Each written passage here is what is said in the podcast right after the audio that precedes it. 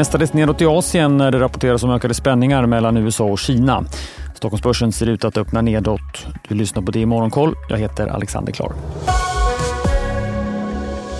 Ja, det är mestadels nedåt i Asien där mycket av rapporteringen nu på morgonen handlar om det kraftiga jordskalvet i sydöstra Turkiet. Dödstalen förväntas stiga kraftigt och redan nu har över 200 människor bekräftats döda. Flera nyhetsbyråer rapporterar om flera hundratals skadade i både Turkiet och Syrien efter skalvet som uppmättes till magnituden 7,8. De asiatiska börserna backar. Vi fick ju en svag avslutning på Wall Street i förra veckan efter den otroligt starka jobbrapporten där antalet sysselsatta överträffade förhandstipset med råge. Det ledde till att de amerikanska räntorna steg igen och marknaden började prisa in ytterligare höjningar från Fed både i mötet i mars och i maj. Samtidigt tillskrivs de extra stora nedgångarna vi ser i Kina den uppblåsta diplomatiska krisen mellan USA och Kina. I helgen sköt USA ner en kinesisk spionballong utanför landets kust som man misstänker spionerat på militära anläggningar i USA. Kina, som hävdar att det rör sig om en civil väderballong, menar att det militära tilltaget är överdrivet och i ett sätt att stärka bilden av att det är en väderballong så sparkades chefen för Kinas nationella vädertjänst i helgen. USAs utrikesminister Antony Blinken skulle rest till Kina i helgen men resan ställdes in på grund av nedskjutningen. Börsen i Fastlandskina backar över 1 och Hongkongbörsen är ned över 2,5% Tokyobörsen sticker ut i flödet genom att stiga en halv procent drivet av att den japanska yenen försvagas på uppgifter om vem som kan ta vid som ny centralbankschef i landet. Enligt uppgifter till japanska Nikkei ska den japanska regeringen ha frågat Masayoshi Amamiya som beskrivs som en av personerna bakom den väldigt expansiva penningpolitiken som centralbanken drivit de senaste åren. Indiska myndigheter försökte under helgen ingripa Expressen gör varje vecka podden Politikrummet där vi djupdyker i det senaste och viktigaste inom svensk politik. Med mig, Filippa Rogvall, som programledare tillsammans med mina vassa kollegor. Och det är ju ni som heter Thomas Nordenskjöld, Anette Holmqvist och Viktor Bartkron. Politikrummet kommer med ett nytt avsnitt varje tisdag. Vi hörs.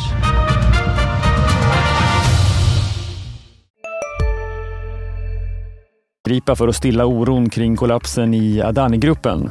Krisen, som var inne på sin tredje vecka och tog sin början i blankaraktivisten Hindenburgs rapport som anklagade bolaget för både aktiemanipulation och felaktig bokföring, har gjort att värdet på Adani-gruppens bolag halverats. Konglomeratet har nyligen dragit tillbaka en emission och i helgen försäkrade landets finansinspektion sitt oberoende och den indiska centralbanken har också bekräftat att indiska bankers exponering mot Adani-gruppen finns med i deras riskanalyser. Flera av aktierna fortsätter ned idag.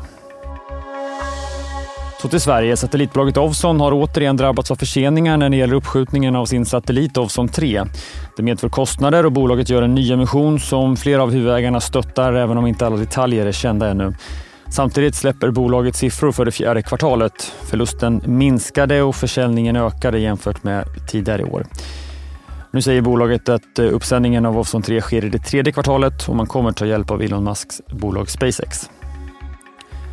Under helgen avled Husqvarnas tidigare VD Henrik Andersson efter en tids sjukdom. Andersson som arbetat inom bolaget i över 25 år och som VD de senaste åren lämnade posten tillfälligt i december i fjol för att genomgå medicinsk behandling och i början av februari lämnade han som VD. Henrik Andersson blev 49 år. Det är en ganska mager agenda idag. Vi får rapporter från Fabege och Balco vid lunchtid och innan dess flygsiffror från Norwegian och makrosiffror från Tyskland i form av industriorder. Huvudpunkten för veckan för svensk del är den troliga första höjningen av Erik Thedéen som riksbankschef. Marknaden räknar med att Riksbanken höjer styrräntan med 50 punkter på torsdag och en majoritet av bedömarna på den svenska penningmarknaden räknar med ännu en höjning i april. Då avslutar det i Morgonkoll. Missa inte Börsmorgon med start kvart i nio i DTV. Ett program som också hörs som podd som publiceras klockan 11 senare idag. Jag heter Alexander Klar.